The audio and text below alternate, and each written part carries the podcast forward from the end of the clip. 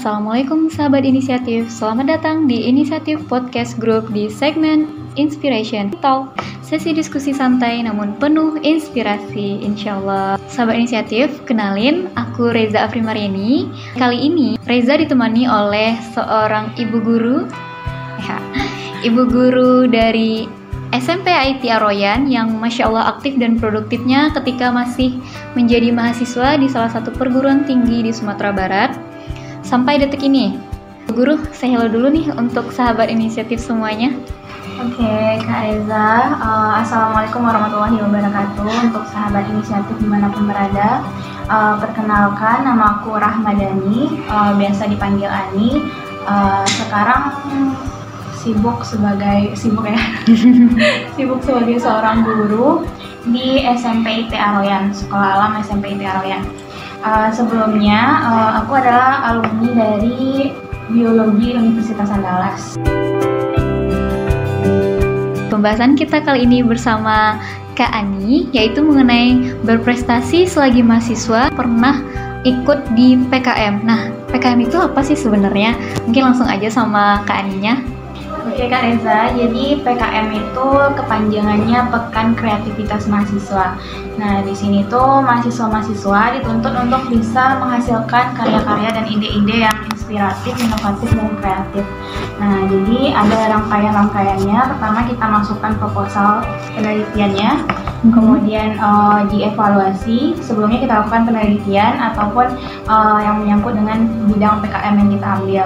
Kemudian kita uh, lakukan penelitiannya, kemudian di, uh, eh, dilakukan uh, apa evaluasi dan akhirnya kalau misalnya lulus evaluasi kita akan sampai ke PIMNAS itu Pekan Ilmiah Mahasiswa Nasional itu se Indonesia. Jadi nanti akan ada pertemuan antara uh, mahasiswa-mahasiswa dari berbagai kampus di Indonesia hmm, ada presentasi itu. dan sebagainya. Kapan Kak Ani ikut? Uh, Ani ikutnya dua kali, itu tahun 2018 dan 2019 berangkat timnasnya. Nah, itu gimana sih sebenarnya cara kita tahu kalau universitas kita juga mengirimkan mahasiswanya? Gimana tuh caranya? Oke, sebenarnya semua kampus negeri itu tuh bisa mengikuti yang namanya PKM dari berbagai wilayah di Indonesia. Jadi kita itu biasanya akan ada uh, informasi dari Dikti uh, mengenai jadwal-jadwal dari PKM ini, kapan pendaftarannya, kapan masukin proposalnya, kapan monefnya dan kapan timnasnya itu ada dari Dikti biasanya. Nah dari kampus biasanya kita bisa dapat dari dekanat ataupun dari jurusan dan ada juga yang jurusan itu dosen-dosennya juga menginformasikan kepada mahasiswanya tapi memang tidak semua fakultas yang aware dengan mm-hmm. uh, eh, PKM ini ada juga yang jurusan-jurusan memang tidak tidak terlalu mempedulikan apakah mau ikut PKM atau tidak mahasiswanya gitu Benar-benar. Jadi pandai-pandai kita baca informasi dari Dikti dan juga uh, bisa juga dengar-dengar dari uh, universitas sendiri gitu info-info hmm. dari universitas atau bertanya ke teman-teman yang dari uh, fakultas-fakultas yang memang sering ikut uh, mengutus untuk ikut PKM ini dari fakultasnya gitu. Oh, oke okay, seperti itu. Nah, itu tadi kan caranya nih tahu gitu. Ya. Ada motivasi tersendiri nggak? Atau emang ini sudah dirancang dari awal pada saat kuliah gitu, udah dapat infonya? Atau gimana sih sebenarnya? Ya, uh, kalau dari Ani sendiri itu tuh awal-awal kuliah tuh belum tahu apa yang namanya PKM, tapi ada dosen yang memberitahukan di kelas. Tapi waktu itu masih maba-maba, masih mahasiswa baru, jadi nggak terlalu uh, mempedulikan karena kita kan masih fokus untuk belajar dan praktikum sebagainya gitu. Tapi pas di sudah di tahun kedua dan ketiga baru berminat untuk mengikuti PKM ini karena rasanya selama di kampus kalau kita tidak ikut eh, kegiatan-kegiatan uh, yang sifatnya akademik ataupun organisasi juga bisa sebenarnya. Tapi kalau misalnya ya ini di akademik lebihnya gitu ya. Uh, jadi kalau kita nggak ikut kegiatan-kegiatan yang untuk mengembangkan diri kita rasanya itu tuh belum lengkap ketika kita lulus gitu. Ada aja yang kurang rasanya kalau kita tidak mengikuti uh, kegiatan-kegiatan baik itu organisasi maupun uh, kegiatan akademik terserah lah kita apakah nanti akan jadi pemenangnya dalam kegiatan tersebut atau tidak yang penting pengalamannya dulu gitu apa pengalaman kita selama kita jadi mahasiswa. Benar-benar ngomong-ngomong pengalaman ya, Kak Ani kan tadi ceritanya dua kali ya ikut PKM kan, pengalaman ikut PKM dua kali ini dan gimana hasilnya gitu kan? Ya walaupun kita ikut PKM pasti ada tujuannya itu untuk ini kan, Nah, mengangkatin nama iya. universitas kita seperti itu. Ya mungkin motivasi lainnya ya, mungkin nggak semua orang punya motivasi yang sama itu. Salah satu motivasi dari Ani ikut PKM adalah jalan-jalan gratis. Nah, gimana kalau kita ikut PKM lulus sampai timnas, nah itu tuh kita uh, bisa pergi ke luar kota yang mungkin kalau kita secara pribadi biayanya itu mahal kan, dan mungkin nggak akan sanggup kita secara pribadi gitu. Jadi kalau misalnya kita ikut PKM dan langsung lulus sampai ke timnas, kita bisa jalan-jalan gratis dan malahan dikasih uang saku juga. Kita ngeluarin, ngeluarin uang sama sekali gitu. Bayangin aja siapa yang nggak pengen ke Bali gitu ya ke Bali gratis jalan-jalan di Bali gitu. Jadi itu tuh salah satu uh, hal yang rasanya luar biasa gitu ketika kita ikut ke Timnas dan mendapatkan itu semua.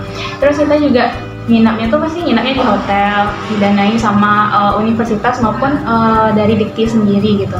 Nginapnya di hotel, kemudian jalan-jalan gratis. Nah, di sana kita juga akan bertemu dengan mahasiswa-mahasiswa yang bidangnya itu dia mengoptimalkan di bidang akademiknya gitu. Jadi di sana kita bisa ketemu sama anak-anak yang dari kampus-kampus ternama di Indonesia, melihat penampilan mereka presentasi, melihat penampilan mereka me- mempresentasikan poster mereka dan sebagainya gitu.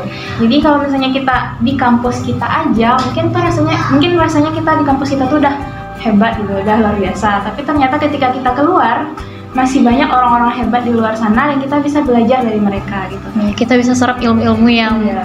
ada di mereka gitu ya.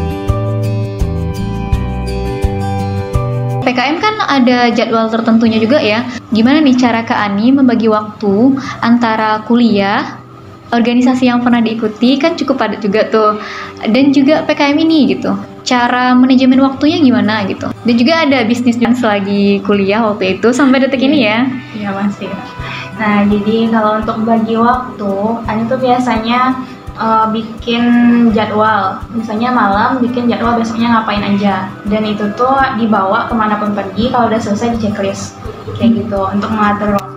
Nah kalau misalnya kita ada jadwal datang udah dekat waktunya untuk masukin proposal PKM, nah itu tuh biasanya emang dimaksimalkan lagi diri kita di menyusun proposal PKM-nya gitu. Karena untuk eh, lulus PKM dan sampai ke PIMNAS kita harus memaksimalkan dulu di awal berarti kan di proses awalnya itu membuat proposal PKM yang emang menarik dan bisa diterima oleh reviewernya gitu.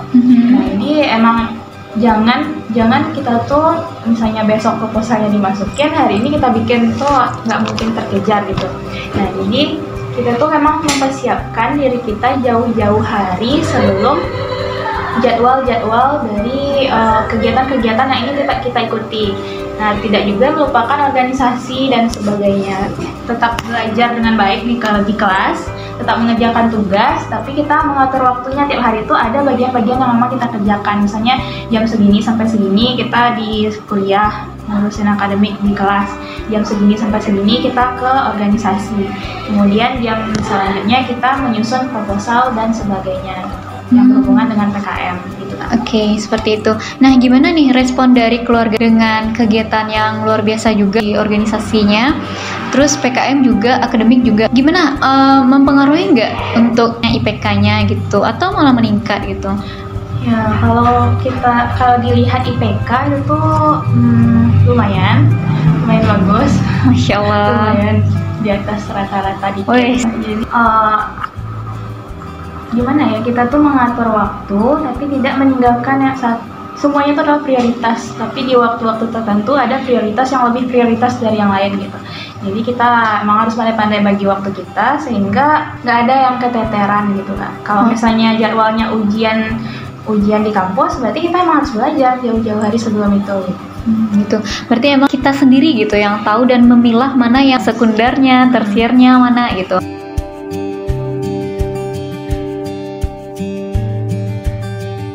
Dari orang tua sendiri itu tuh mendukung apa pun yang dikerjakan oleh anak-anaknya gitu. Selagi itu tuh baik berarti uh, mereka beliau ini mendukung apa yang kita lakukan. Yang penting kita tidak melakukan hal-hal negatif tidak ada kabar-kabar buruk yang sampai ke rumah ya itu baik-baik aja berarti Kak Ani juga ada bisnis usaha dari kuliah sampai detik ini malah meningkat gitu kan. Gimana sih caranya? Karena pengen mandiri atau ada motivasi lain juga atau emang ada sesuatu yang dikejar? Kalau untuk bisnis bisa dibilang itu tuh adalah hobi, hobi jualan gitu kan karena kalau kita posting barang-barang di misalnya status WA, status Instagram tuh ada kepuasan tersendiri gitu. Kalau misalnya ada yang nanya aja, belum tentu beli kan, nanya hmm. aja udah ada gimana ya bahagia gitu, ada yang nanya barang kita gitu. Jadi kalau untuk bisnis ini emang dari pas kuliah udah dijalankan. Motivasinya apa ya? Motivasi salah satunya adalah yang tadi karena hobi, emang suka jualan. Kemudian yang kedua karena kita emang butuh uang.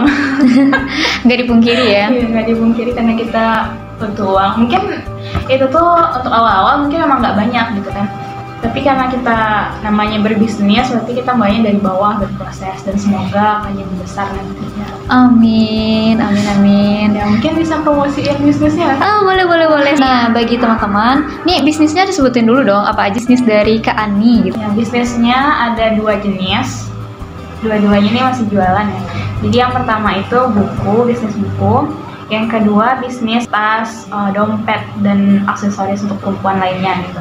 Kalau buku nama Instagramnya Neuron Books. Buku-buku bestseller ya? Iya.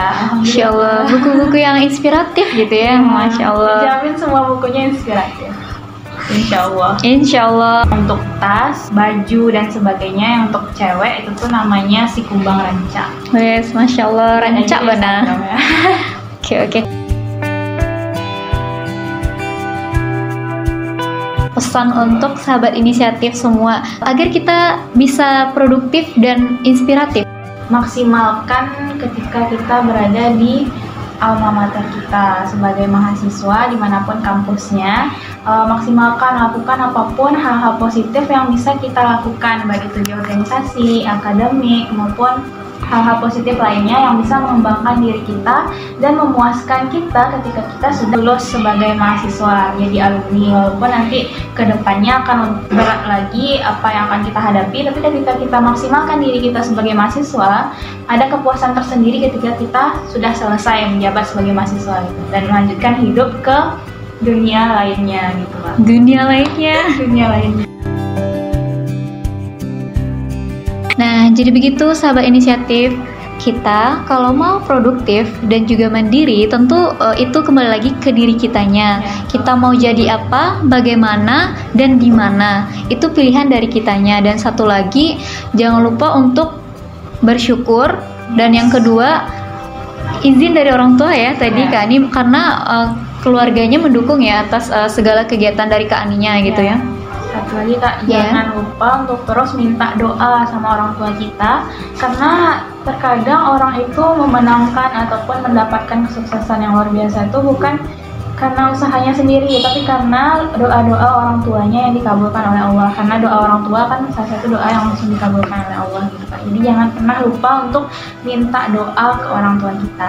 Masya Allah benar sekali. Karena ya Kak Ani ridho dari orang tua itu adalah ridho dari Allah juga. Dan itu keberkahan juga untuk hidup kita ke depannya. Masya Allah ini sungguh inspiratif sekali ya untuk kita semua dan juga terkhusus untuk Reza. Oke terima kasih untuk Kak Ani sudah meluangkan waktunya untuk sharing menginspirasi bersama kita di inisiatif podcast group. Karena banyak hal yang kita dapatkan selama kita berdiskusi mengenai gimana pengalamannya PKM gimana uh, kita berproduktif uh, walaupun ada kegiatan kita juga bisa memanage waktu dan memaksimalkan ya kita memaksimalkan waktu kita walaupun waktu itu banyak kalau kita kerja keras aja nggak maksimal juga itu percuma kan? Karena suatu usaha nggak akan mengkhianati hasil itu insya Allah. Apalagi kita juga dapat ridho dari orang tua kan? Eh, itu luar biasa sekali.